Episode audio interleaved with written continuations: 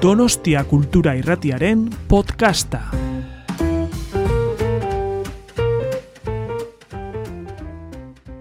En primer lugar, eh, darles la bienvenida y también a las personas que nos vayan a escuchar por streaming y naturalmente eh, a nuestras eh, invitadas también.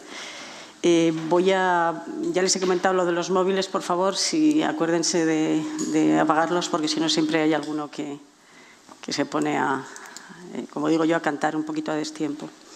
Eh, haremos, como es habitual, una, mantendremos una conversación eh, durante un tiempo, unos 50 minutos, y después les, les pasaré la palabra. Yo tengo muchas, eh, muchas cuestiones y muchas preguntas que hacerles, pero eh, estará, estará bien si ustedes quieren también eh, intervenir. Eh, muy brevemente presentar a nuestras eh, dos invitadas. Eh, a la derecha, eh, Ángeles eh, González Inde, ella es guionista y también directora de, cine y ha ocupado cargos eh, institucionales muy importantes como el Ministerio de Cultura o la presidencia de la Academia del Cine y es en la actualidad presidenta del patronato del Museo Reina Sofía, si no me, si no me equivoco. Eh, como eh, guionista eh, ha escrito, eh, entre otros, el de La Buena Estrella, por el que recibió en Goya, y también todos estamos invitados de, de Gutiérrez Aragón, el que se aborda ya la cuestión del terrorismo y seguramente tendremos eh, eh, ocasión de volver sobre ello. Ha dirigido las películas, por ejemplo, La suerte dormida, Una palabra tuya, y este mismo año El comensal, que es la obra que nos reúne hoy aquí. Gabriela Ibarra es autora precisamente de esa, de esa novela, El comensal, con la que ganó el premio Euskadi en 2016 y también quedó finalista del prestigiosísimo eh, Booker Prize y que acaba además de ser reeditada en una nueva, en una nueva eh, editorial eh, Random House. Sé porque me lo ha dicho que está trabajando en otro proyecto que ya tendremos, que ya tenemos ganas de, leer. Ya además ha creado un newsletter al que se pueden ustedes eh, suscribir que se llama Correo Nocturno y en el que va eh, compartiendo con sus eh, lectores pues, sus reflexiones sobre distintos temas. Voy a empezar contigo, Gabriela, para las personas que no hayan leído la, la novela ni, ni visto la película. ¿Podrías mm, contarnos muy brevemente los, los hechos centrales que, que están ahí, que son los de tu propia vida, y cómo se produce ese, ese deseo y ese paso de pasar de la vida a la novela, podríamos decir, de, de la vida? Sí, bueno, primero gracias por venir. Es un placer estar aquí con, con vosotros y con vosotras. Eh, ¿Cómo surge el libro? Eh, este, esta novela es lo primero que, que yo escribo. Eh, había escrito mucho de niña, pero, pero llevaba muchos años sin escribir nada. Y mm, cuando mi madre se pone enferma de cáncer, eh, tengo que acompañarle a todas las sesiones ¿no? de, de quimioterapia, todos sus tratamientos. Y en esas salas de espera, eh, pues vuelvo a leer un montón. Nunca dejé de leer, pero durante esos meses leí como, como, mm, más intensamente. Y, mm, y a los pocos meses mi, mi madre se, se muere y, y a mí me deja muy desconcertada y necesito poner por escrito lo, lo que, lo que acabo de vivir. Entonces, mientras estoy escribiendo sobre la muerte de mi madre, eh, durante esos meses de duelo, eh, noto que me atasco en la escritura y, y me doy cuenta de que hay muchas cosas sobre mis relaciones familiares que, que no me explico. Y tuve que intentar buscar las causas de qué era lo que no me explicaba. Por ejemplo, cuando, mi, cuando estábamos en el hospital, mucha gente se me acercaba y me decía cosas como, bueno, tu padre tiene mucha relación, tiene mucha experiencia con la muerte, o de repente mi padre decía cosas como que vio el, el rosario manchado de sangre de su padre. Y eran unas frases como que salían así en momentos eh, casi como explosiones, ¿no? Esa frase y se quedaba así en el aire y yo me volvía a casa y me quedaba pensando. Y entonces, eh, en paralelo al, al, a la elaboración del duelo de mi madre, me encontré con otro duelo sin resolver que había en mi familia, que era el del, el del asesinato de mi abuelo paterno por, por ETA en el año 77 seis años antes de que yo naciera y yo siempre creí, cre crecí eh, sabiendo que esa historia estaba allí, pero que, pues bueno, que no tenía ya que ver conmigo, que yo había nacido ya después de que aquello hubiese ocurrido y que, y que, no, y que no iba tanto conmigo. Pero me di cuenta escribiendo el libro de que muchos de los de nuestras relaciones familiares y de cómo nos, que cómo nos tratábamos los unos a los otros estaba muy condicionado por aquello. Y el hecho de, de convertirlo en novela, digamos, ¿qué te aporta esa libertad un poco de la ficción? Eh, me aporta... Eh, bueno, en el caso de mi abuelo, eh, yo no me atrevía a preguntar a mi familia nada porque sabía que era un tema que no, no se podía tocar. Entonces, en las hemerotecas encontraba eh, eh, información, pero tenía muchos huecos. Entonces, esos, yo necesitaba tener una historia completa y todos esos huecos que me faltaban eh, los tenía que inventar. Eh, lo que siempre intenté a la hora de inventar es ser leal a los personajes y a la historia, leal a lo que yo creía que podrían haber hecho. Eh, pero, pero bueno, eh, lo, lo, hice, o sea, tuve que, que, inventar cosas porque si no, no tenía historia. Y en la segunda parte, mmm, bueno, la memoria también es muy, es al final una construcción, ¿no? Después cuando mis hermanas se leyeron el libro, mi padre me decía, las cosas no ocurrieron de esta manera, fueron de esta otra, ¿no? Lo, lo cuestionaban todo. Y, y, hace poco estuve en Cuba y, y hubo, hicieron, bueno, tuve que hablar sobre el libro y un chico me dijo que había contado en la segunda parte del libro, no sé, no sé qué barbaridad, de imaginé, imaginaba, o sea, que estoy todo el rato como imaginando para elaborar lo que he vivido. Eso me llamó la atención. Me dice, en la primera parte no dices ni una vez imaginé, pero en la segunda estás todo el rato imaginando. Y yo, ah, mira, no, no, lo había pensado. Eh, Ángeles, eh, ¿qué, dos preguntas también para ti. Una, ¿qué es lo que te lleva a, a interesarte por, por el, el, comensal? Y relacionado un poco con lo que estaba diciendo eh, también Gabriela, ¿no? Llevarlo al cine es como eh, insistir en, un poco en, en esa parte de ficción, en la medida en que además eh, tienes que elegir a, a actores. ¿no? Eh, es más difícil elegir actores cuando mm, están basados en personas reales, personas con las que puedes convivir. Eh, pues eh, bueno, buenas tardes a todos. El, elegir los actores casi es, es lo de menos, porque desde el momento en que decides adaptar una novela, pues ya vas a tomar decisiones de parte, ¿no? porque en el primero no va a caber todo en la novela, luego cada uno de nosotros tenemos nuestra lectura de la novela, ¿no? nos imaginamos los espacios, los personajes, las circunstancias que se describen, pues cada uno la, hacemos a, nuestra forma, eh, sin tener que pactarlo ni negociarlo con nadie. Entonces, mm, desde el momento en que decides eh, adaptar una novela, pues ya sabes que va a haber renuncias y que va a haber transformaciones y que más bien hoy le, escuchaba decir, eh, vamos, he leído en una entrevista con un director francés que se llama Mathieu Amalric, que se estrena mañana una película de él que les recomiendo mucho, que se llama Abrázame fuerte.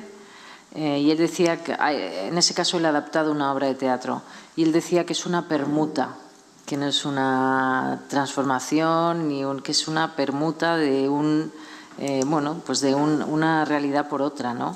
Y, me ha gustado esa expresión porque es cierto, nosotras digamos que hemos llevado eh, ese, acto de imaginar eh, que la novela propone para algunas de las lagunas de, que, no, que no se pueden, que no están eh, el detalle reconstruido, pues lo hemos llevado más, más allá. Eh, y en ese sentido, pues yo le propuse a Gabriela cambiar los nombres de los personajes precisamente para tener esa libertad de la que tú hablabas de, eh, de que las cosas no van a ser exactas, porque en ese caso hubiéramos hecho un documental, si hubiéramos querido documentar, eh, hacer una crónica eh, que, que sería otra opción y es algo muy legítimo, pero en este caso no pretendemos engañar ¿no? en ese sentido. Y, y, lo que me gustó de esta novela pues es que toca asuntos. Yo no conocía a Gabriela cuando la leí, la leí cuando salió la novela, en, en el otoño de 2015 salió, ¿verdad? Por estas fechas. Y sí que había ido a la presentación porque bueno, mi pareja era el, el editor de esta editorial y y luego leí la novela, o a lo, a lo, mejor la había leído antes porque recibía las novedades, pero me, me, gustó muchísimo desde el primer momento. Y eso que desde el primer momento sabía que la adaptación era muy, muy difícil, porque esta novela eh, los que, bueno, los que la habéis leído, pues sabréis que es, eh, tiene un lenguaje y un estilo complejo en el que se mezcla la crónica, en el que se mezcla la reflexión íntima, en el que se mezclan los recuerdos.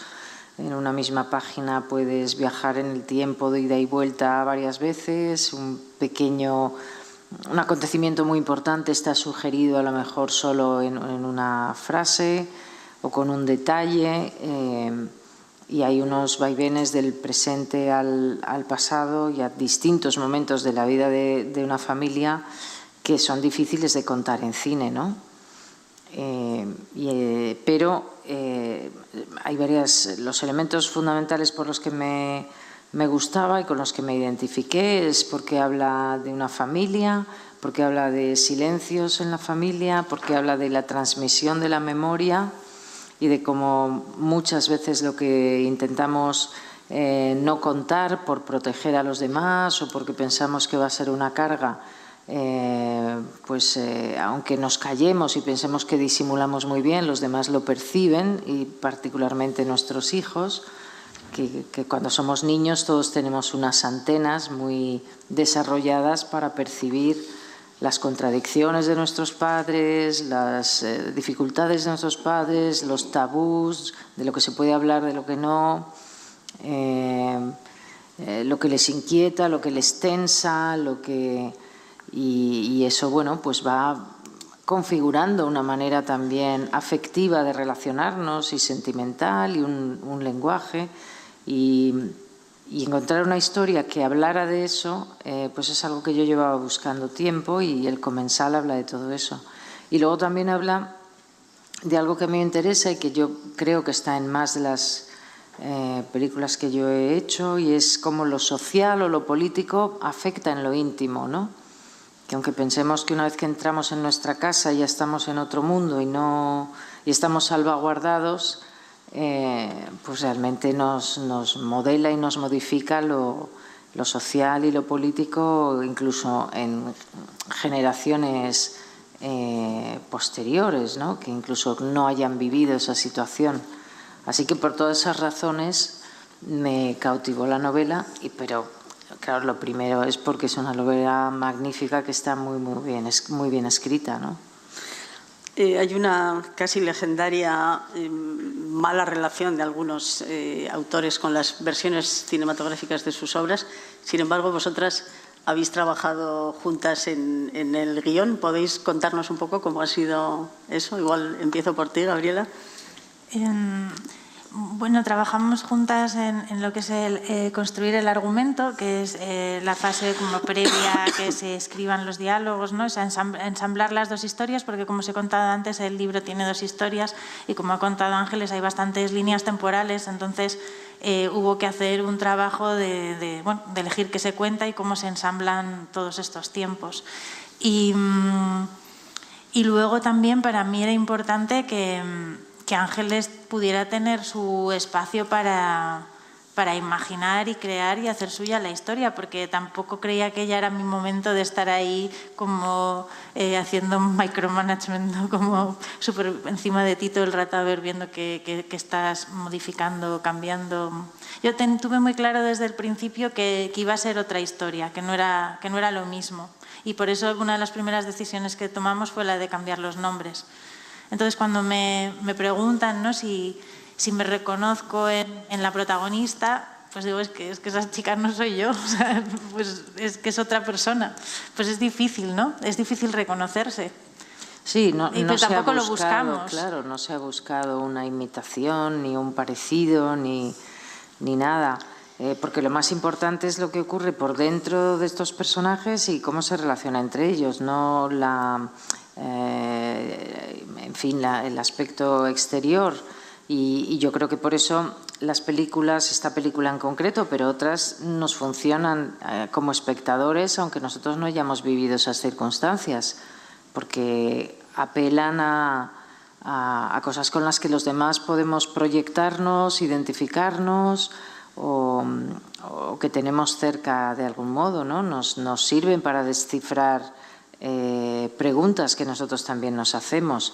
Y, y entonces, eh, pero era importante para mí, ya que iba a desmontar el libro para volver a montarlo de otra manera, eh, tener a la autora, que además, entre otras cosas, no solo por una cuestión de respeto, sino porque, eh, y de hecho fue así, cuando tú escribes una novela, y además una novela tan calculada y tan contenida como El Comensal, pues yo estaba segura de que ella había hecho mucho trabajo de edición, es decir, que había elegido cosas que quedaban fuera eh, y que no se aprovecharon finalmente en, la versión final que vemos de la novela.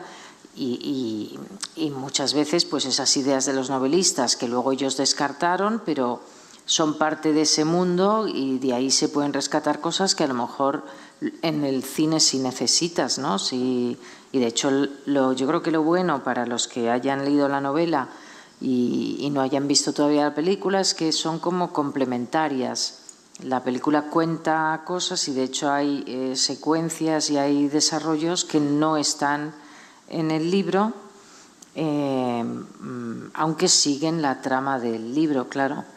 Y, bueno, hay bastantes diferencias entre la novela y la película, aunque eh, la película tiene la voluntad y la vocación de ser muy fiel, ¿no? Porque yo no creo en la en la infidelidad. Creo que si eliges adaptar una novela es porque te gusta, porque la respetas y porque no vas a entrar ahí como elefante en cacharrería, ¿no? A,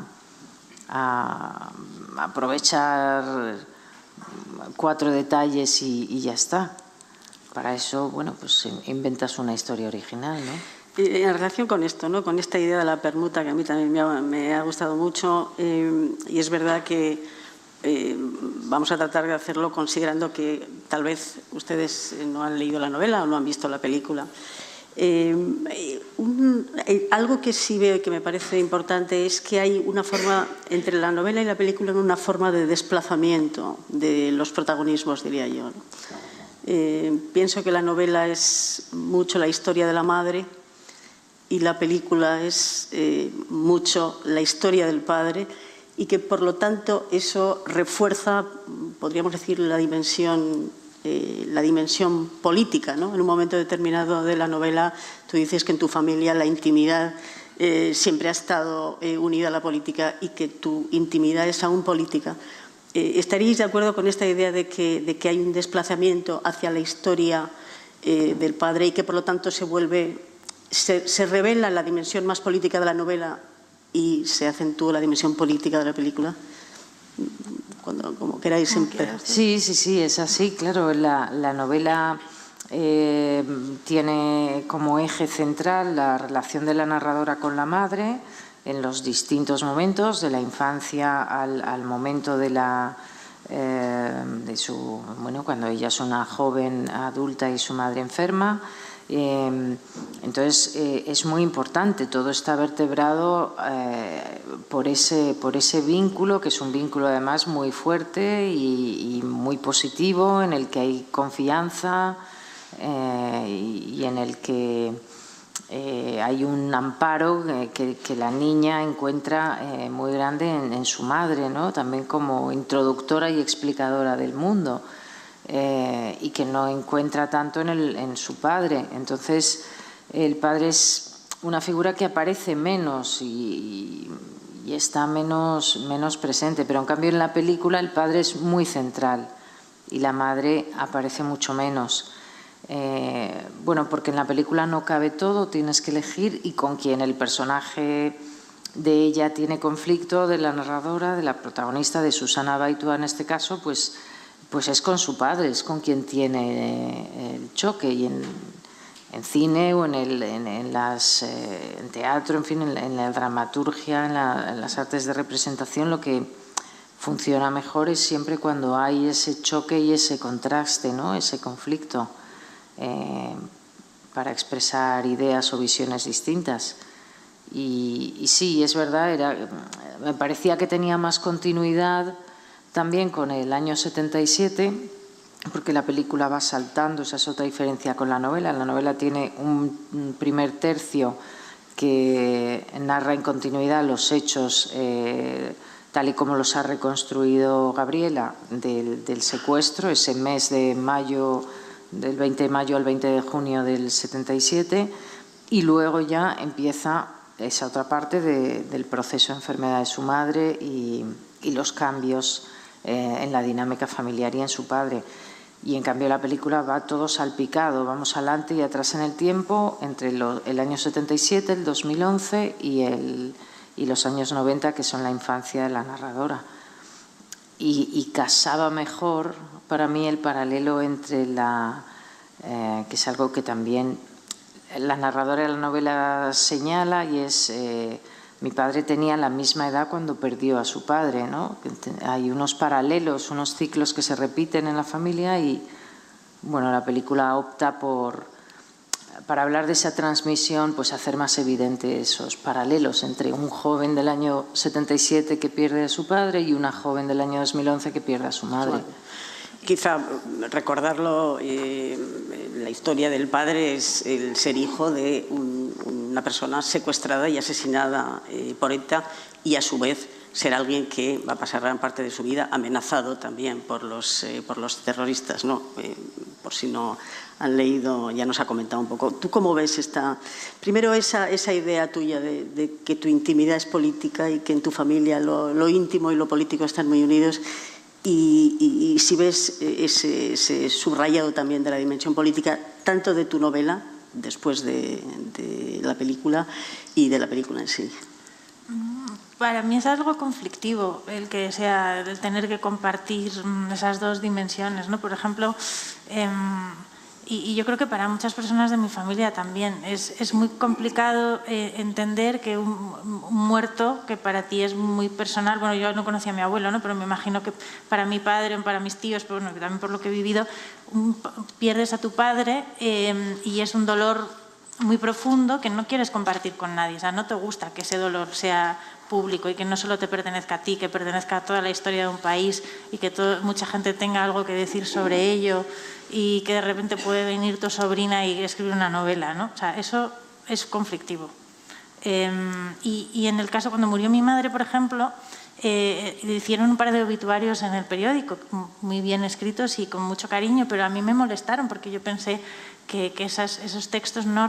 Yo creo que una novela es un poco una, reacción a esos obituarios porque fue como, bueno, pero es que mi madre no es estos tres párrafos, mi madre era mucho más, ¿no? Entonces creo que también partió de una especie de, de, rebelarme contra esa dimensión pública que siempre, bueno, es, es, complicada de, sí, de digerir o, cuando tengo que hablar sobre el libro, ¿no? Y de repente muchas personas, ahora ya estoy más acostumbrada y ya sé un poco cuál es mi lugar, pero cuando lo publiqué, yo nunca, para mí, eh, la dimensión mm, de, amenazas de ETA, del asesinato de mi abuelo, era una cosa que mi familia se llevaba en en secreto casi, ¿no? O sea, era algo como de lo que daba hasta vergüenza hablar. Entonces, que de repente se, se convirtiera en el eje de lo que vertebraba mi, mi identidad pública fue súper desconcertante. Eh, pasar de que fuera algo secreto a que todo el mundo me conociera por aquello, o sea, a mí me costó mucho em, digerirlo, y ahora ya lo tengo más o menos ubicado, pero para haberlo tenido ubicado he tenido que retirarme totalmente, reflexionar cuál es mi lugar, porque bueno, pues es un, es un terreno donde hay muchas emociones, muchos intereses, donde el lenguaje está muy viciado y, y donde yo llego como casi como una especie de corderito, ¿no? me cuenta su vida y, y, y, ves que hay gente que intenta hacer pues, un uso de tu historia o, mm, bueno, no sé, no sabes muy bien dónde, dónde situarte en ese, en ese tablero, ¿no? como que está todo muy pues sí, como compartimentado, con gentes enfrentadas, ¿no? Y, no sé, esa parte para mí ha sido muy, muy complicada, también interesante. ¿eh? Una vez que di un paso atrás y lo vi desde fuera y me situé y entendí que mi lugar era el de, el de la escritura y que yo no tengo por qué opinar de cosas que no me apetecen, em, ya lo llevo con calma, pero en, un primer momento no, no, no me, resultó... Mm, no sabría cómo explicarlo. Muchas veces me preguntan que si escribir el libro es, terapéutico. Yo digo, bueno, pues puede serlo en, cierto, en cierta medida porque el escribir este tipo de historias pues te ayuda a ordenar, te ayuda, te lo ves, ves lo que has vivido o lo que ha vivido tu familia en, en unas pocas páginas, parece abarcable, lo puedes sostener en la mano, ¿no? pero eso puede tener cierta dimensión terapéutica, pero el, hablar de ello, eh, sobre todo en un primer momento, la exposición pública, yo creo que no la tuvo en absoluto. Yo creo que fue todo lo contrario. A mí me generó muchísima ansiedad y, muchísimo, muchísimo agobio. Sí, esa, esa parte no, no, no, me parece nada, nada terapéutica. Bueno, pues quizá para quitar un poco ese, agobio, algo que creo que, bueno, también le haré de otra manera la pregunta a Ángeles, pero eh, en relación con la intimidad y con la familia es muy importante tu idea de lo espacial, las casas, ¿no? Entonces, eh, eh, también hay un poco un desplazamiento en la novela de, la casa de la madre a la casa del padre, pero háblanos un poco de, tu relación con, el espacio, porque está todo muy ligado, ¿no? la intimidad y la y, también la enfermedad con la construcción de una o con la creación de, una casa. ¿no? Háblanos un poco de las casas en la, novela y en tu experiencia de la intimidad, si te parece. Mm, bueno, para, para mí ha estado muy marcada mi vida por, una mudanza, ¿no? porque nos tuvimos que mudar em, de Bilbao a Madrid cuando yo tenía 12 años, entonces eh, yo tengo una relación con el con el espacio, con el, con el País Vasco, con la casa de mi infancia muy, muy, muy intensa. Eh, yo a veces siento que sigo viviendo aquí como atrapada en una especie de fantasma infantil que, que, nunca se fue, ¿no? Em, y eso, bueno, pues sí, siempre está, siempre, siempre está ahí. O sea, yo me reconozco mucho más en, en, este paisaje, a pesar de que he vivido muchísimos más años fuera que, que, que, que en el paisaje madrileño. ¿no? O sea, yo en las encinas y en eh, pues allí no, me reconozco en absoluto y me encanta, ¿eh? y voy al monte allí también, pero, pero no sé, este es como mi lugar.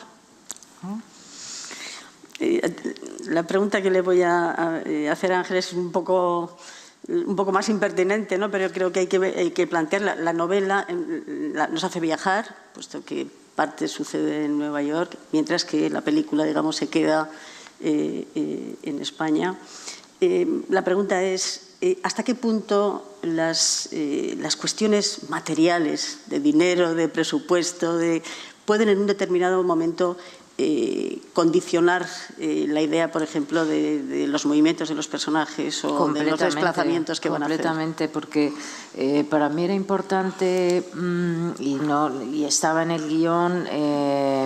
no el viaje de Nueva York, porque bueno, la, la novela, para los que no la hayáis leído, eh, cuando la madre enferma, mm, la hija está viviendo y estudiando en Nueva York, terminando un posgrado y trabajando, eh, y la madre eh, se va a tratar a, un hospital de Nueva York, al Sloan Kettering, ¿no? y, y, entonces, bueno, es, es, un mundo aparte, ¿no? Porque es el mundo de la enfermedad, pero lo pasas en un lugar que no te es familiar y tiene, bueno, tiene algo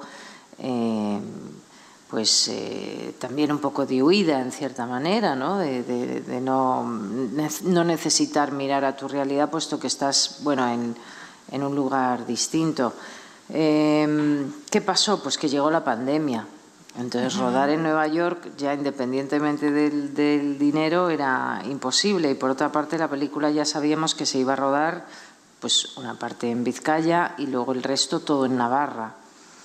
Eh, y entonces, eh, bueno, porque los productores decidieron eh, rodar en Navarra por eh, cuestiones económicas. Navarra tiene unos incentivos fiscales para el cine importantes y por eso se están rodando muchas películas ahí en los últimos años. Entonces, bueno, yo pensé, pues en lugar de tener que, que hacer que Pamplona aparezca Nueva York, pues vamos a hacer que ella vive en Pamplona porque no es inverosímil que alguien esté haciendo un posgrado y sea profesor ayudante en la Universidad en Navarra, puesto que es una universidad donde acude gente de todas partes a estudiar, y tampoco es inverosímil eh, que una persona que enferma de cáncer vaya a tratarse a Pamplona precisamente porque hay unos hospitales oncológicos con mm, un nivel de prestigio y especialización muy alto, o sea que eso no, es inverosímil, pues vamos a hacer que, Pamplona sea Pamplona y, cambiamos Nueva York por Pamplona.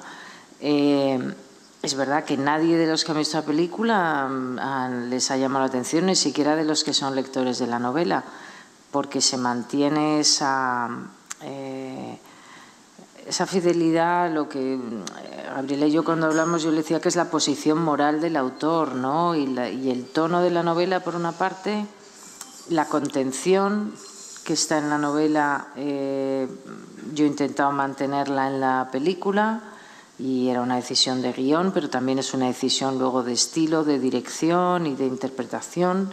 Eh, y hay una, una decisión de, de, mimetizar esas posturas morales y esas posturas estéticas que tiene la, la, autora en su novela, ¿no?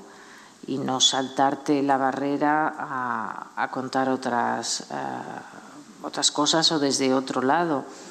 Y entonces, por eso los lectores de la novela yo creo que se sienten eh, satisfechos cuando ven esta adaptación, ¿no? Eh, y claro, las, luego había otra parte que a mí me gustaba eh, mucho, porque eso me gusta en las películas, que es el viaje, el viaje que hacen el padre y la hija en coche eh, desde Madrid, una vez que muere la madre, pues el padre le propone a ella que le acompañe a Bilbao a una reunión de trabajo y, hacen un viaje juntos, ¿no? Y van recuperando este paisaje, como decía Gabriela, que es importante, que es eh, pasar, pues, atravesar la meseta, eh, ir viajando hacia, el paisaje se va transformando, ¿no? En, más verde hasta que llegan al mar y, esto pues no pudimos tenerlo, tuvimos que cambiar esas secuencias por, otras secuencias en que no iban en coche, porque el coche eh, alargaba, eh, bueno, es más costoso y es más engorroso y pierdes tiempo. Y no teníamos tanto tiempo y entonces por plan de trabajo pues no, no les vemos viajar eh, en, ese, en ese viaje que yo había imaginado. ¿no? El cine es así, tienes es una negociación con producción, ¿no? tú tienes unas ideas, pero luego hay unas condiciones reales que como autor de una novela no tienes. Tú puedes tener los decorados que quieras, los figurantes que quieras y, la, puede ser de noche y estar lloviendo, eh, que vas a tener todos los medios que elijas y en cambio esa concreción de, una historia en algo eh, físico, ¿no? que tiene la corporeidad de los actores, la realidad de los decorados, pues eso eh, te ubica en otro, en otro lugar, ¿no? También más público es abrir la historia a más gente. Yo creo que para Gabriela, cuando vino a visitar el rodaje en, en Guecho, ¿no? Que te quedaste como un poco, Dios mío, la que he liado. Sí, bueno, yo decía, madre mía, que he escrito un libro, un conjuro, ¿no? Era como mi frase, porque algo que escribí ahí en la soledad de mi habitación, de repente, bueno, yo primero no sabía ni que se iba a publicar, no lo escribí, o sea, no había, o sea, como os he contado, yo no había escrito nada antes, es que ni un triste artículo por ahí, o sea, ni un cuento.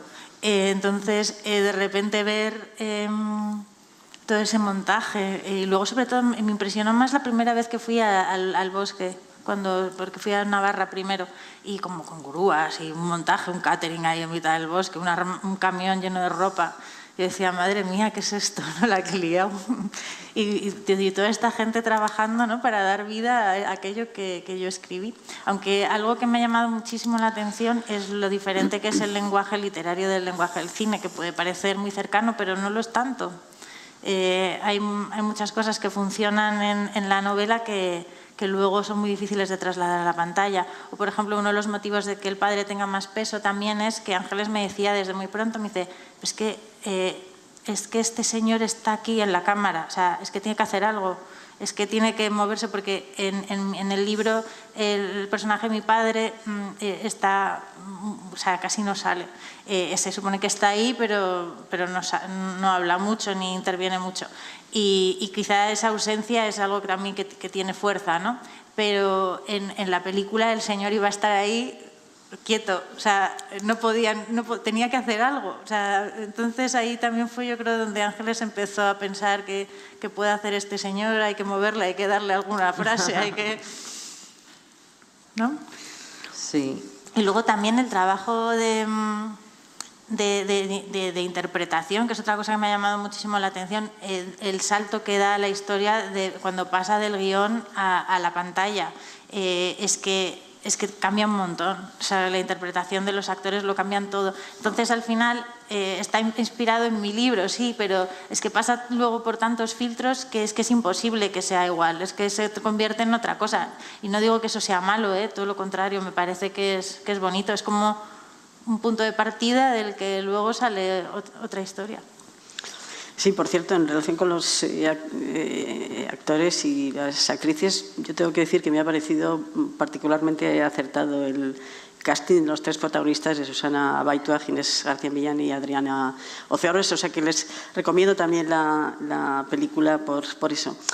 Eh, he recordado mientras eh, estabais eh, hablando de, de, claro, tú con la pluma te mueves eh, por cualquier sitio, mientras que para hacer una escena hace falta las grúas y todo eso, ¿no? Aquello que decía Virginia Woolf, que por qué las mujeres habían empezado la literatura antes que en otras artes, porque con un lápiz y un poco de papel se puede escribir una novela, pero para hacer una película creo que hacen falta más, eh, más medios. Eh, ahora quiero hablar un poco de, de, algunas cuestiones que son igual esas cosas más difíciles de colocar en, en, en, en el cine, pero que también requieren eh, reflexión en la literatura. Hay un, esos conceptos clave de la novela, que también están naturalmente en la película, es eh, la espera, uh -huh. ¿no? el, el concepto de la espera. La espera con el abuelo secuestrado, la espera con la madre enferma, ¿no? Eh, ¿Cómo eh, esa espera se traduce, podríamos decir, en, intriga, en ritmo para los eh, lectores? Eso supongo que es algo muy difícil. ¿Y cómo se lleva también eso después al, al, al, al cine? Pero bueno, eso le, se lo preguntaré tal vez de otro modo a Ángeles. ¿Cómo conviertes la espera, que es algo muy desasosegante, en algo que tiene que de algún modo también interesar a los lectores, en ritmo narrativo? Pues la verdad es que no sé cómo lo hago. O sea, yo, eh, sobre todo este libro ha sido una escritura muy, muy intuitiva. Quizás ahora lo que estoy haciendo soy como más consciente de los pasos que doy, pero ahí fue todo como que iba probando, prueba y error, escribía escenas y luego iba moviendo los fragmentos hasta que me cuadraban. Sí que siempre tuve claro que el tema de la espera era algo que me interesaba porque estaba presente en las dos historias. Las dos historias al final son la historia de una espera, ¿no? la espera desde que te secuestran hasta que te matan y, la espera desde que te diagnostican un cáncer hasta que te mueres. Y en las dos también compartían el que no estaba en, sus manos el, el, desenlace, ¿no? Eh, ni en el caso de mi abuelo estaba en sus manos salvarse, ni en el de mi madre. Entonces, eh, los dos también tienen en común esa cosa de... Que, que, que, yo escribiendo el libro es, me he dado cuenta de que la única forma de morir bien es esa, que es la de eh, hacerlo desde la, desde la humildad y el de, de entregarte, ¿no? saber que, que no está en tu mano que no está en tu mano salvarte y ponerte, pues en el caso de mi abuelo que era muy religioso, en la voluntad de Dios, ¿no? Y, y en el caso de mi madre, pues bueno, pues dejarse, dejarse marchar. Y, y entonces todo, todo esta, estas, estas sí, sí, sí, que di muchas vueltas en, en, este periodo de espera en cómo ellos estarían enfrentando a, a, esa, a, esa, muerte suya, ¿no? En, en, desde qué lugar. Y me di cuenta que también que hay como una especie de libertad que es imposible que, que te arrebaten y que solamente puedes... Eh, tenerla si tú eres consciente de que, que, te falta poco tiempo para morir, porque muchas veces a los enfermos se les miente, ¿no? Eh, no, te vas a curar, o se les camufla, se les maquilla los resultados. Por ejemplo, yo recuerdo que a mis abuelos pues eh, les, les, mentíamos cuando estaban enfermos, eh, diciendo que, que, que, no estaban tan mal como estaban. Y en cambio en Estados Unidos, cuando mi madre enfermó, yo no tuve esa opción, porque entró un médico y directamente, básicamente, le dijo que se moría. Y, y entonces eso es el tener, ser consciente de que te queda poco, eh, te da una libertad que es bonita para poder disponer de, de, de, cómo quieres emplear esos últimos días que tienes para ti. Entonces, mi, mi madre pues eligió que se quería morir en Madrid, que quería que, estuvieran todas sus amigas, que quería que viniera a verle la familia, ¿no? pues que quería hasta la música que sonara en su, en su funeral. Y en el caso de, mi abuelo, pues yo creo que él pasó ese tiempo eh, rezando, escribió alguna carta a su familia, pues también pudo hacer con ese tiempo lo que, él, lo que más le pudo ayudar en esos momentos, ¿no? por mucho que esté en la peor situación posible. Quizá eh, hablando de esas libertades que se puede tomar la literatura, que no se puede tomar el cine, es precisamente la del tiempo. ¿no? La mm. literatura elige el tiempo que quiere, pero el cine eh, tiene un tiempo limitado.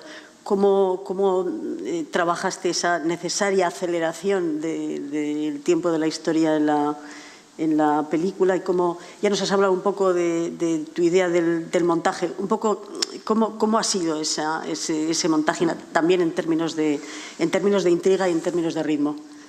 Bueno, el montaje es algo que primero es una parte muy importante, es donde se hace el cine de verdad, ¿no? En la eh, contraposición de un plano tras otro es donde adquiere significado la, imagen, el, montaje de imagen y luego el de sonido, que también en esta película ha sido muy laborioso y, importante, ¿no? Para reconstruir los distintos espacios, para reconstruir las distintas épocas, para ubicar al espectador en el momento. Eh, histórico. Hemos eh, tirado mucho de radio, eh, cuando no había archivo, porque no existen, no se conservan archivos del 77, hemos reconstruido. radio con locutores pues de Radio Nacional que están jubilados, que nos han ayudado para tener esas voces y esa entonación y tener esa, bueno, ese salto en el tiempo en que tú tienes como espectador que absorber un montón de información de manera rápida, ¿no? El, montaje, pues le dimos muchas vueltas, porque esa estructura era un puzzle que se podían eh, poner los elementos en un orden o en otro y, daba resultados distintos. Y acertar con el bueno, pues eh, ha sido, eh, bueno, tuvimos que hacer muchas pruebas de ensayo y error y, un poco confiar, porque yo tampoco sabía, esto que dices tú, la espera, la espera es lo menos, eh, lo más anticinematográfico que hay, porque es la inacción y la pasividad y cómo hacíamos la espera en esa... Eh, entonces una de las apuestas era no salir de la casa, estar en, la casa, en el año 77, mm, eh, bueno, nos detenemos mucho en, en qué hacen eh, los hijos del secuestrado eh, mientras esperan que, eh, que haya algún avance o que con suerte encuentren la policía desarticule el comando y encuentren a su padre o, el comando decida soltarlo o, lo que sea, ¿no? Esa espera pues era difícil de... Mm, eh, de hacer atractiva o de, que no se desconecte el espectador porque te fatigas o porque te aburres, pero la manera era eh, contraponerla a algo que estaba sucediendo en, en, otro momento de la historia y en otro tiempo, ¿no? Y, y, no sabía si iba a funcionar. Básicamente el guion era un guion muy arriesgado, que no sabes si es una especulación, siempre un guion pero en este caso un, poco más. Mm. Sí, ahí eh, quizá también en, eso que comentas, ¿no?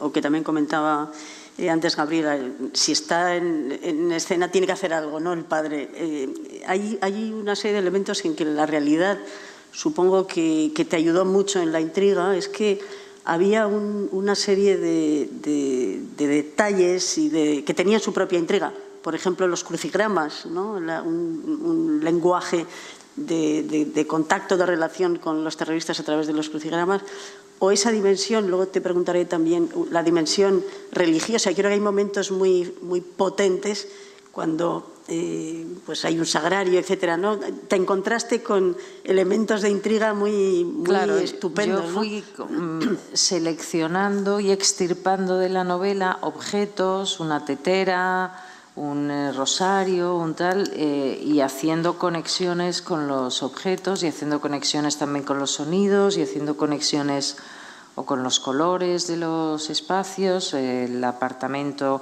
Ahí la dirección de arte, mm, eh, Elena García Mármol, pues la directora de arte tuvo buenas ideas. ella propuso que el apartamento que tiene la chica en Pamplona pues tiene colores azules y la habitación del abuelo en su día también tiene colores azules, o sea, bueno, son reminiscencias que son más o menos evidentes, pero que eh, te van llevando en esa... Y, sí, fui escogiendo eh, determinados objetos o situaciones que están en la novela y que a lo mejor en la novela son más largas o son más breves o es una mención y desarrollando una secuencia a veces solo de uno de esos detalles eh, porque como dice Gabriela es un lenguaje distinto y exige herramientas distintas. En, la novela, Gabriela, eh, hemos hablado de la espera, pero bueno, en la espera está también la esperanza, ¿no? De algún modo. Y también yo creo que en la película se refleja bien, pero sobre todo en la novela está esa dimensión eh, profundamente religiosa, ¿no? la la religión como finalmente un, factor, si no de consuelo, pero de algún modo de sentido. ¿Puedes hablarnos de cómo, cómo percibías, por ejemplo, esa religiosidad de, tu abuelo, cómo, cómo fue calando en, vosotros? Mm, claro, yo, la, la, religiosidad de mi abuelo la conozco más de oídas, pero lo que sí que puedo hablar más igual es de lo que he vivido con mi padre.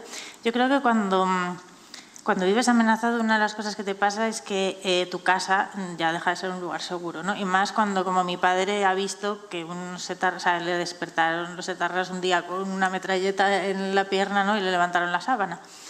Entonces, o sea, tu cama, que es como el lugar seguro por excelencia, pues ya, pues ya no es un lugar seguro. Entonces, yo creo que cuando no tienes lugares seguros, te tienes que buscar esos refugios en lo, pues en lugares intangibles, ¿no? Como la religión yo, yo lo entiendo un poco así. Sí, yo creo que en el caso de mi abuelo, pues, pues yo creo que venía ya de una...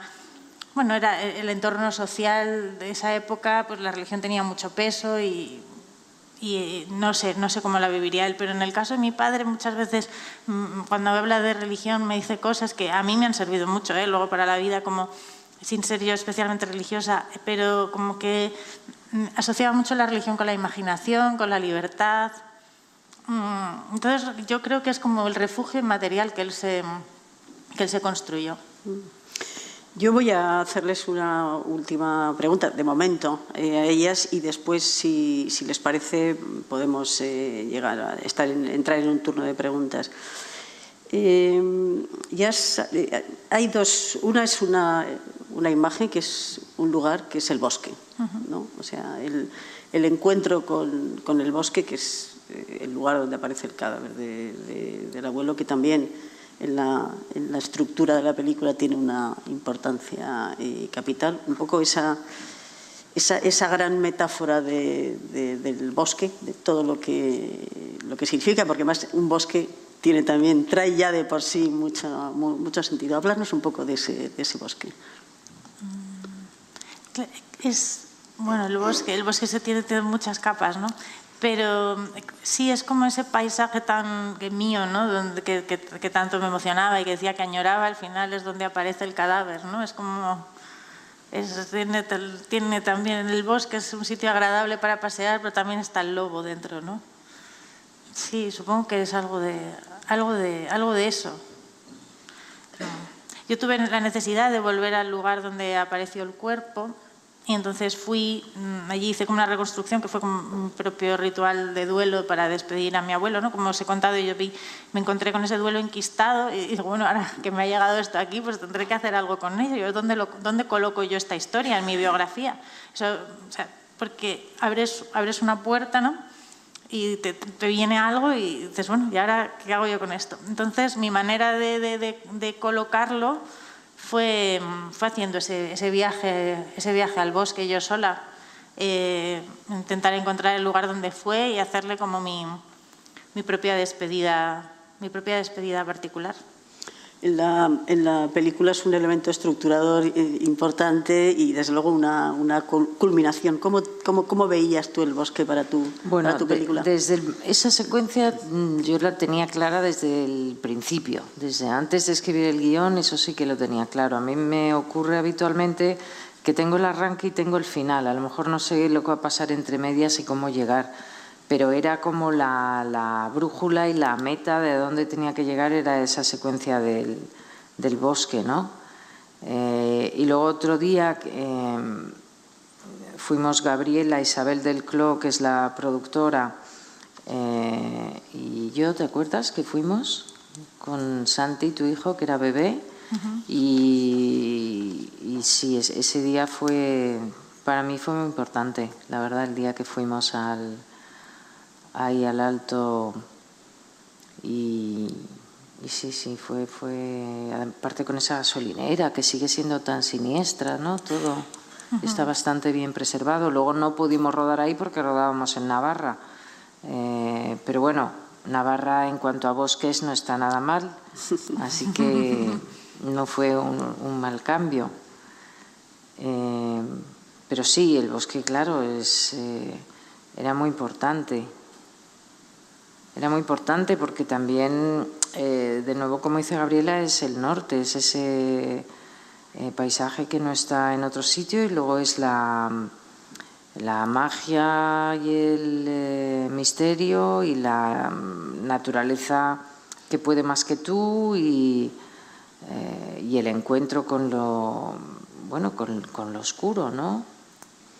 Eh, en un caso y en el, hay dos paseos paralelos en ese bosque, dos caminatas y una es luminosa y otra no lo es, pero, pero hay que adentrarse en el bosque, ¿no? Y para mí era muy importante también eh, que el personaje del padre joven eh, decide ir eh, decide ir al levantamiento del cadáver y decide ir él solo y decide ir contra viento y marea. Y eso es muy eh, bueno a mí me parecía que para un personaje que es tan eh, poco expresivo tan contenido y, tan eh, bueno que él se tan autoexigente también pues era algo muy importante que no podía dejar de estar porque para él es un es un gesto muy valioso para, ese personaje, ¿no? Sí, es el lado oscuro y luminoso y también es el lado eh, abierto, ¿no? En, una historia de, donde hay tanto encierro, ¿no? De repente el bosque, con todo, tiene también esa, esa, esa apertura. Pues eh, cuando quieran, hay un micrófono en, de sala. Eh, si alguien quiere hacer una pregunta, sí. Espere que le llegue el micrófono, por favor. Eh, hola, eh, habéis hablado de las diferencias entre el lenguaje eh, literario y el lenguaje cinematográfico, entonces, y que la necesidad de hacer cambios. Entonces, ¿cómo describiríais lo que es una adaptación fiel de una novela? Igual, Ángel. Bueno, un poco lo, lo, que decíamos antes, que yo al principio he adaptado otras novelas eh, pues de Belén Gopegui o de Almudena Grandes o eh, adapté una palabra tuya de Elvira Lindo. Eh, al principio, cuando adaptaba novelas, procuraba ser muy literal, calcar casi las escenas y los diálogos, pero luego con el tiempo me di cuenta de que no hacía más justicia a la novela por eso, incluso a veces era pobre el resultado, porque eh, la literatura son palabras, pero el cine las palabras apenas son parte de la banda sonora, ¿no? Lo que importa en el cine son los comportamientos y es eh, en la literatura, en la novela, igual el mar no está presente porque el mar no se puede contar con palabras, pero en el cine sí que está el mar, ¿no? Entonces, en, por ejemplo, en la película el mar está muy presente, el mar era algo importante para mí. Yo quería una casa para el año 77, la casa donde ocurre el secuestro, que estuviera frente al mar eh, porque el mar es algo que luego ellos pierden cuando se tienen que ir a, a, Madrid, ¿no? O que en Bilbao, cuando estemos en Bilbao, estemos en la ría de Bilbao, porque el, eh, eso es algo que no hay en, en, en, Madrid, en otros lugares que son tan, eh, tan distintos, ¿no? Eh, bueno, ese tipo de cosas no las tienes en literatura, pero puedes encontrar, es como un intercambio de símbolos, ¿sabes?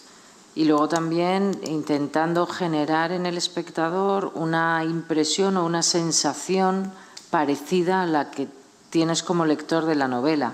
La vas a tener que buscar con, otro, con otras herramientas, pero, eh, pero bueno, si intentas eh, eh, preservar eso, mm, pues esa es la manera para mí de, ser fiel, ¿no?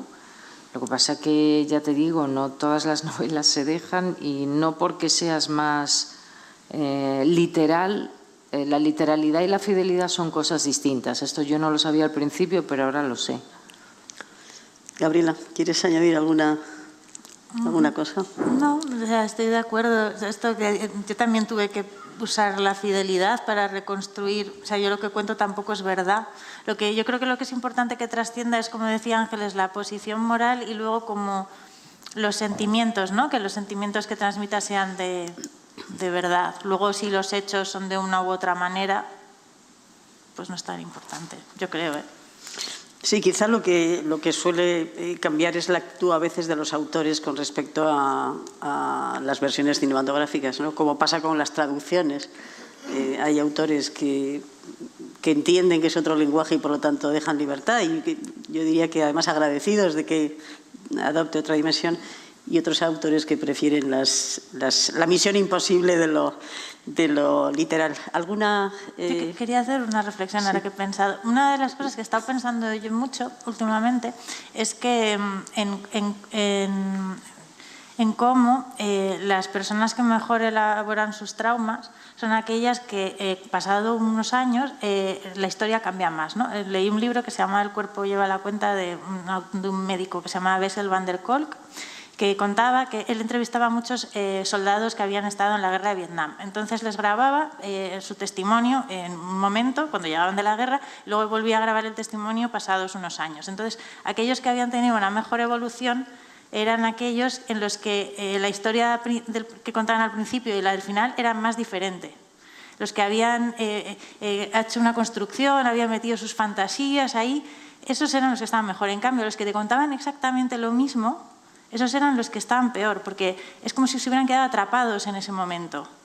Entonces a mí me parece que es divertido también que la historia mute. O sea, me parece como sano, ¿no? Que cambie, que, se convierta en otra cosa. Es una manera de, jugar como con, ese dolor, ¿no? Y, sí, tener tú el control o mutarlo. Y significa que has cambiado tú también, ¿no? Sí, significa que has cambiado tú también, pero también me parece que es bonito que otros cojan esa historia y, la transformen, ¿no? O sea, me parece que el, juego de transformación es como, de cierta manera, sanador. Pero claro, si yo hubiera cogido la novela y la hubiera mm, hecho más melodramática, hubiera metido un policíaco, hubiera hecho una trama en que eh, vamos pasando a los etarras una vez que se llevan al, abuelo, seguimos con ellos, vemos cómo eh, buscan un zulo y eh, ahí no pueden esconderlo, entonces hay otra dificultad y lo tienen que trasladar, pero mientras, pues tú ahí sí que hubieras dicho, oye, sí. Yo ¿no? podría, o sea, eso en la novela está, hay un secuestro, hay unos etarras y tal. Hubiera contado la muerte de la madre agarrándole la mano y una cosa muy, eh, pues eso, muy dolorida y muy de lágrimas y tal, pues tú también, claro, yo te podría decir, oye, pero eso está en la novela, pero claro, te hubieras dicho ya, está, pero no, es que yo no lo he escrito así. Entonces, ese es, la, el respeto que tienes que tener. Si ella es eh, contenida y no eh, abunda en determinadas cosas, pues tú tienes que respetar eso. Eso es lo que me parece que es importante. Quizá eso que decíais antes, primero podríamos decir el eje moral y luego el tono, ¿no? Un tono un poco eh, general, no convertir algo dramático en una comedia o, o insistir en algunos, en algunos tintes. ¿Alguna pregunta más? Sí, tenemos una pregunta aquí, por favor.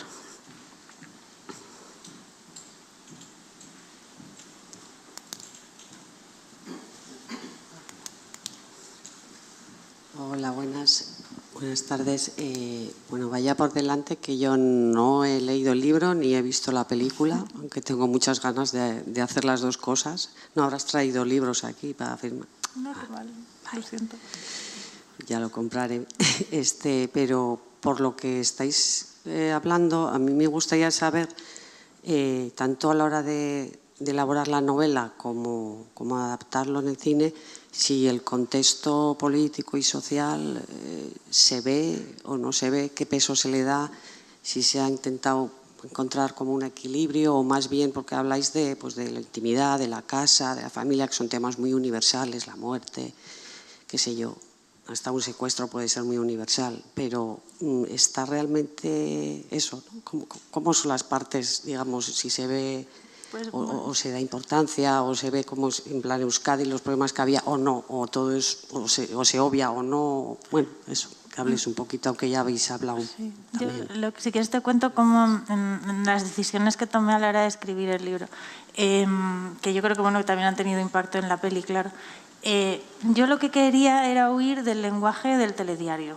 O sea, como que todo el, el- el terrorismo, ¿no? Se, siempre se ha hablado muchísimo en el telediario y, y hay una serie de palabras que están ahí muy presentes, muy viciadas y además eh, yo lo que no quería es que la gente entrase en el libro, leyese una palabra y ya dijera, ah, vale, tú esto va por aquí, tú tienes estas ideas. Eh, o sea, quería huir de ese lenguaje. Quería intentar hablar de estos temas con un lenguaje propio y que fuera, en cierta manera, o sea, sé que es imposible, pero en cierta manera neutro, porque no quería poner el foco tanto en la parte política como en la parte privada. Entonces creía que si lo cargaba de palabras muy...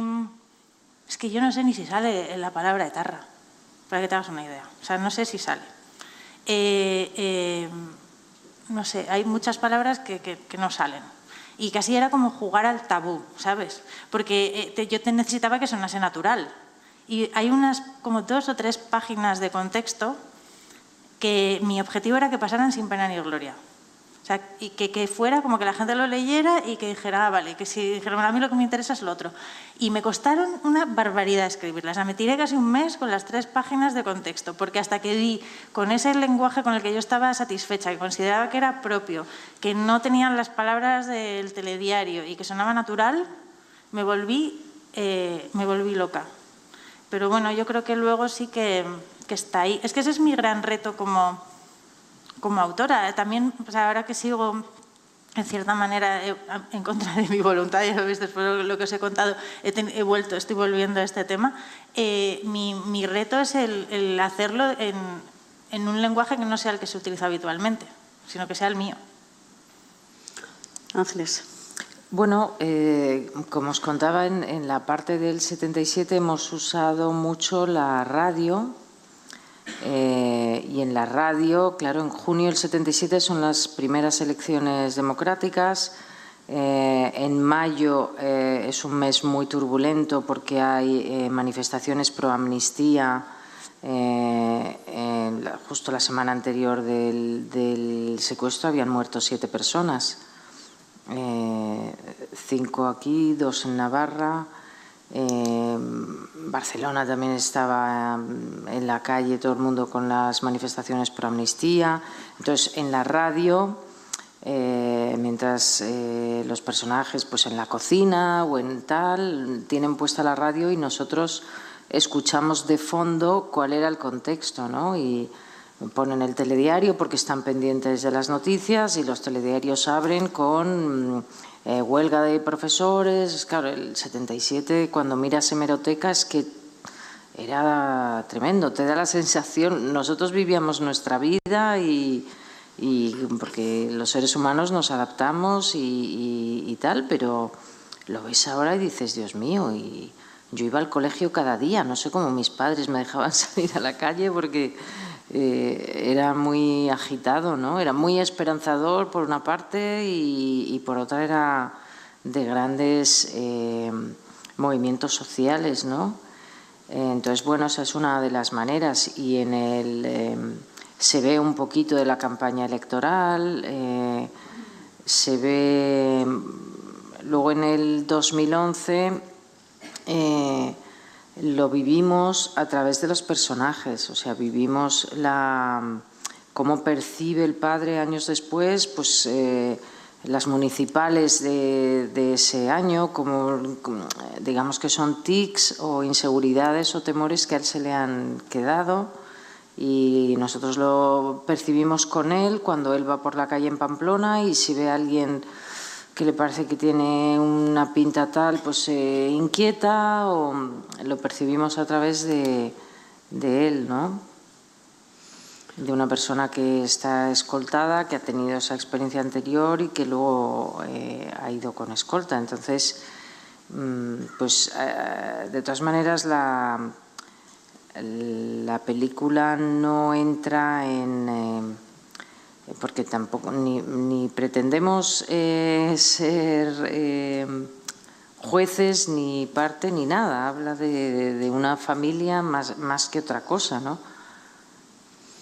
porque no hay eh, tampoco donde o sea, ese es un tema muy grande que está muy bien, pero para otra película que te dediques a, contar eso, que es importante y, que hay que contarlo. Pero, sin embargo, la novela eh, se ha traducido en, varios países, ha salido en Estados Unidos, en Inglaterra, en Italia. Eh, Gabriela ha viajado con la novela a la India, la película la ha visto Em, y, les ha tocado mucho pues, eh, personas de Argentina, personas de Colombia y, todo el mundo que en su país ha habido una situación, lo que sea, mm, similar, de violencia, de enfrentamientos y tal, pues se conmociona mucho porque también ellos, quiero decir que sin conocer el contexto político, personas de otros países rápidamente se colocan y lo entienden, ¿no?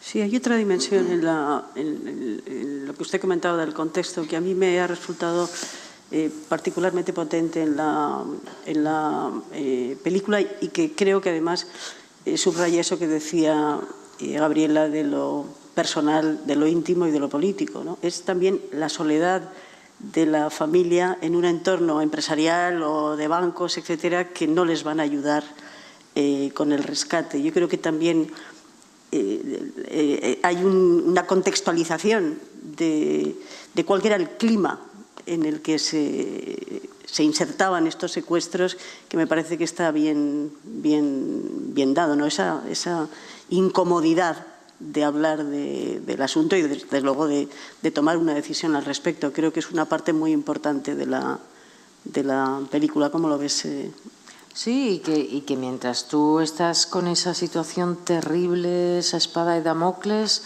eh, los demás están en otra cosa, cada uno concentrado en lo suyo, en un momento eh,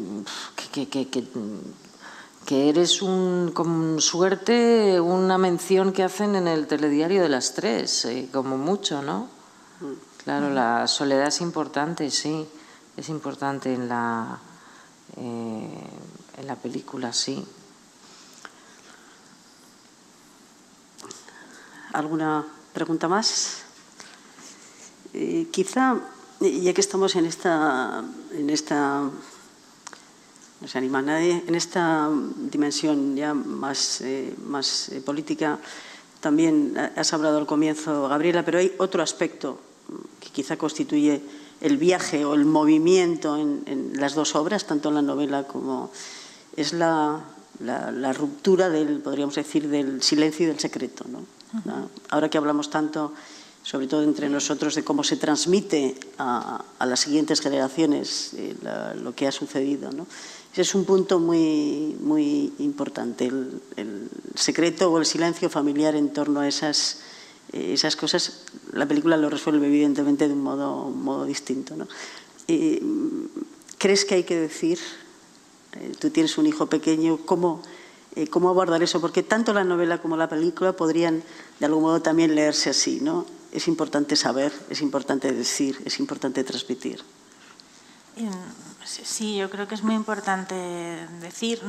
igual no siempre van a estar preparados para escucharte, pero pienso en las, jóvenes, las generaciones más jóvenes, también pensando en cómo yo lo vivía, ¿no? van a pensar muchos que eso no va con ellos pero yo sí que creo que es importante que lo oigan y que, se, que se, haya libros y películas disponibles para el día que se hagan las preguntas, estén ahí para, para respondérselas. Y, y en el caso de mi familia, pues el silencio ha sido muy dañino, em, porque el problema es que es un silencio que es social, que se mete dentro de casa. Entonces, como fuera no se puede hablar de muchas cosas, em, acabas callando también dentro, dentro de tu casa los temas. Y, yo vi que se, crea, se crean dinámicas en las que no solo ya te callas los, temas los problemas relacionados con el terrorismo, sino que empiezas a callarte cualquier problema.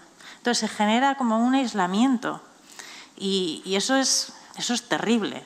Entonces, sí, yo creo que yo estoy muy a favor. A mi hijo todavía es muy pequeño para contarle esto y, y claro, ahora para él va a ser todavía más lejano, le va a parecer una cosa en un sitio donde él no vivió. Ahí, bueno, en Madrid también había muchos atentados, ¿no? Pero, pero que sí, yo sí estoy desde luego abierta a escucharle. Él ahora me hace muchísimas preguntas sobre la muerte. Y, y, y, yo, vamos, no me corto, yo le llevo a los cementerios, le contesto todas las preguntas. O sea, conmigo tiene suerte porque a mí es un tema que me, me, interesa mucho la muerte, pienso mucho en ella, en, pienso en la muerte de una manera, no sé, no, no terrible, pienso que es parte de la vida, prefiero llevarme bien con ella. Entonces, mi hijo tiene dudas, yo sé, las resuelvo todas. Sí. No, de hecho, murió hace poco un tío abuelo mío y él me pidió ver al cadáver. Y esto causó un poco de revuelo en la familia. Uno, que llevara al niño al tanatorio y dos, que quisiera ver el cadáver. Y yo entré con él y lo vio y no le impresionó nada.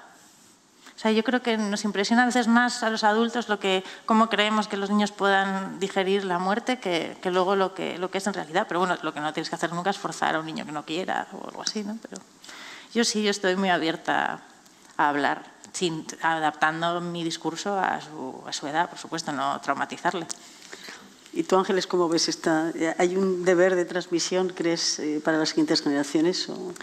Sí, pero bueno, eh, Gabriela también dice que no hay que quedarse enganchado en eso, ¿no? También tan, tan malo es eh, repetirlo, porque que yo creo que es lo que tú dices con lo del telediario, que al final se desactiva, su, de tanta repetirlo se desgasta. Entonces, bueno, pues es difícil encontrar esa naturalidad pero debe ser parte de, eh, bueno, de, de, de, lo que conocemos, de que, de que algo que esté ahí, que esté disponible, porque si no, pues sigue quedando ahí colgado como, y sigue generando polémicas, como genera la polémica la memoria histórica, que si la guerra civil, que si las fosas, unos sí, otros no, eh, cuando debería ser algo, pues bueno, es una realidad, está ahí. Y lo asumimos con sus dificultades y sus angustias y sus contradicciones y su todo. Pero claro, si tantos años después algo sigue siendo tan sensible, es que algo ahí no está bien organizado, no está bien ordenado, ¿no? Sí, tenemos una, una pregunta. Pregunta a pregunta, no exactamente.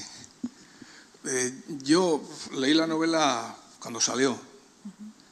Y bueno, eh, el, tema pues eh, me interesa. no leo todo lo que sale del tema porque, en fin, creo que también hay mucha, mucha retórica que no merece ser la pena tenida en cuenta. ¿no?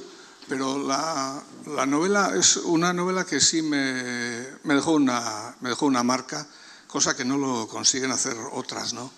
Y para mí, que en aquellos años del secuestro y el asesinato de tu abuelo, yo era un militante eh, de la órbita de la organización armada, no de la organización armada exactamente, pero sí un militante de, esa órbita y todos esos episodios de, de, violencia los vivíamos como una jaculatoria, o sea, era un episodio más, un episodio más, y sientes ahora la pena de la indiferencia que, sentías. ¿no? Entonces, la figura de tu abuelo, aún ahora, si me lo contaran de forma retórica, a ver, vamos a ver, un alcalde de Bilbao, un industrial, un señor de una familia, entre comillas, de la oligarquía vizcaína, eh, poco, poco me puede eh, estimular. Eh, la piedad o la, o la compasión. Y leyendo la novela mm, yo descubrí el personaje. Se está hablando del padre, se está hablando de la madre y se está hablando poco del, del personaje, ¿no? Y se hace un personaje extraordinario, o sea, yo creo que es eh, entrañable. Yo confundo después tu novela con una cosa que publicó después Joseba Zuleika en Vieja Luna de, de Bilbao, uh -huh. en el que también cuenta esa, esa historia y bueno, en fin, lo terrible de los, de los sucesos, e incluso lo terrible de la reivindicación final, que no sé si es verdad aquello de que descansó en la paz del Señor, entre paréntesis, según él, cuentan que, que, que mandó en el comunicado la organización armada. En ese sentido, mm, descubrí eso que necesitas descubrir para de alguna forma repudiar o execrar la, la, la, violencia, ¿no? Descubrir una historia humana contada de una forma como tú te empeñas en hacerlo en, en no retórica. O sea, todos tenemos historias de perseguidos por la violencia, eh, pero mal contadas generalmente. Hasta los, las propias víctimas las cuentan muy mal. ¿no? Entonces, y la película, la figura del padre en la película se la extrae. Pero, he de decir que me siento identificado bastante con la, con la figura del, del padre y cómo problematiza la transmisión del, del, asunto. Mm, se me hace, yo había olvidado la figura del padre en el, en el libro, ¿no? Mm, no sé, tú, tú mismo has dicho que salía poco, pero pero eh, yo creo que, en fin, en parte tienes razón y creo que, para acabar, es preferible no contar a contarlo mal. Y se cuenta mal muchas veces. Bueno, yo creo que la gente lo cuenta como puede, ¿no? O sea, al final es un dolor muy grande y sí que hay pues una necesidad a veces de expresarse, ¿no? Lo que pasa es que igual en, a una obra literaria le pides cosas que no, no le tienes por qué pedir a un testimonio, ¿no? sabes distinto. O sea, hay gente que veces necesita ver espacios para expresarse y hay personas que cargan con su dolor como, pues, como buenamente pueden y pues lo sueltan pues también como pueden. Pero yo creo que a una obra literaria sí que le tienes que pedir otras cosas que no le tienes que pedir a un testimonio. Y por ejemplo, no soporto eh, que me intenten convencer de algo cuando leo un libro, no es algo que me sienta fatal. O sea, yo puedo tener mis ideas políticas y puedo incluso ser activista de ciertos temas en mi, en mi vida personal, pero yo a la hora de sentarme a escribir dejo eso un poco el panfleto a un lado, ¿sabes? Y, y sí que es cierto que dónde colocas la cámara, en qué, en qué te enfocas, qué describes, qué hechos narras, eh, son también una posición. Eh, yo, yo creía me gusta que digas que, que te ha llegado, no, no, eres el primero que igual ha estado en esa órbita que me ha dicho que el libro le ha llegado, porque yo creo que es fundamental que, que sean los hechos los que, tengan el, los que tengan el peso de la historia y que hablen por sí solos. ¿no? Yo creo que es una historia donde hay unos hechos terribles que cualquiera que tenga un poco de sensibilidad, sean cuales sean sus ideas, eh, eso lo va a saber reconocer. Igual que yo he sabido reconocer hechos terribles de personas que ideológicamente pueden estar muy alejados. A mí no hace hace poco, hoy mismo en la comida hablaba de que uno de los libros que más me habían gustado que se habían escrito sobre esta aparte del de Luisa del ángulo ciego, que si no lo habéis leído os lo recomiendo muchísimo, es una novela que, que, a mí me parece que, que habla, que, bueno, donde más me he sentido reflejada de cómo se cuentan las amenazas, pero en, un, en una postura como diametralmente opuesta. A mí me gusta mucho la novela de Inchaurrón de John Arreche y yo creo que comparten, que tampoco John Arreche te está intentando convencer de que pienses como él, simplemente él te está contando lo que él, lo que él vive allí. Y, y bueno, está, muy bien contado. Entonces, yo creo que eso es lo que más, más valor tiene. Tampoco entrar a, a juzgar a... O sea, luego pues, tiene que haber juicios de otra manera, pero en una novela, pues no, tú pones a los personajes haciendo sus cosas y que sea el lector el que juzgue, pero no el, el autor el que diga lo que tiene que pensar el lector. Sí, yo creo que, que, finalmente la clave está ahí, ¿no? que lo que diferencia a lo mejor eh, al arte de la crónica es que el arte siempre está preocupándose por su propia forma, ¿no? Sí. precisamente la de eludir todas estas, la retórica o lo ya dicho, eh, en fin, yo creo que por eso cuando pensamos en episodios históricos importantísimos tenemos la impresión de saber más de la Shoah a través de las novelas o de las películas que desde luego de de, de, documentos o de libros de historia. Yo creo que es por eso, porque además también, como decía Ramón, eh, las novelas y las películas te colocan eh, frente a seres de carne y hueso, ¿no? Entonces es, más fácil esa, esa, comunicación. ¿Alguna pregunta ya la última? Y bueno, y luego sí, que también en, muchas veces estas historias las conocemos a través de los periódicos, en donde solo conoces eh, el atentado o el hecho en sí, ¿no? Entonces la vida de esas personas va mucho más allá. Em, pues hay muchas personas que igual ideológicamente podrían estar en las antípodas del libro y te dicen que han conectado mucho a través de la enfermedad de la madre o de... O sea, porque todos no, somos unidimensionales, gracias a Dios, tenemos muchas dimensiones en la vida y normalmente cuando pues, en una noticia de, de, de, prensa o del telediario no cabe todo eso, solamente te cuentan una porción muy chiquitina, ¿no? Y, la novela, en cambio, permite que haya pues, personajes pues, más completos. Claro, y además con un mundo interior que, como seres humanos, por un lado o por otro, tocamos o compartimos, ¿no? Total. Pues ya la última, la última oportunidad. ¿Alguien quiere...? Pues no, pues sí, ya la señora ya la última y con, con ella cerraremos.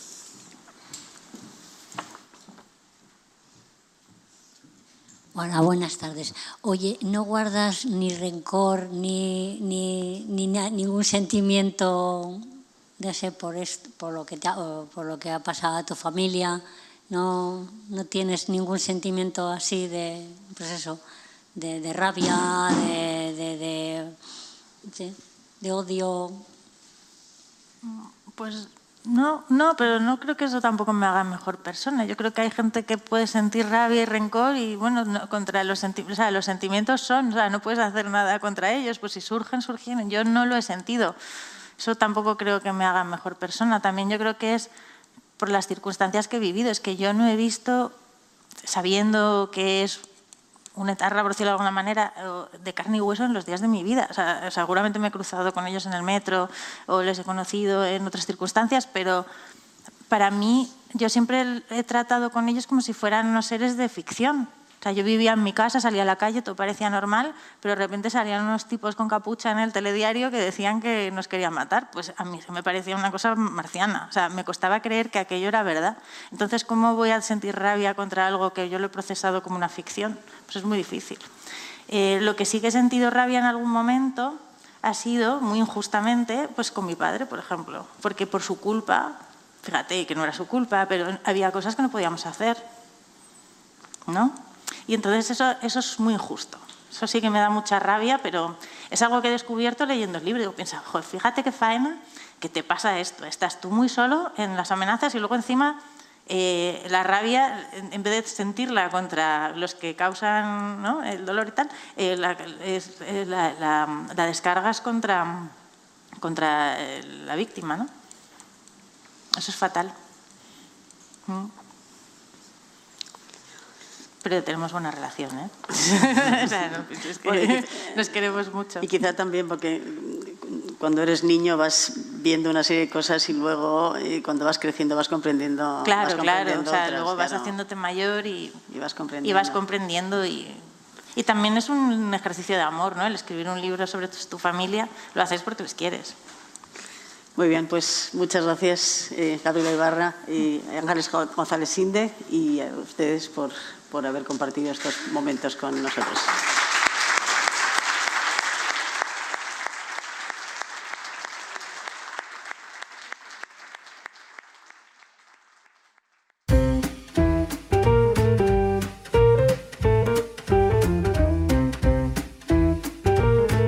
Donostia Kultura Irratiaren podcasta.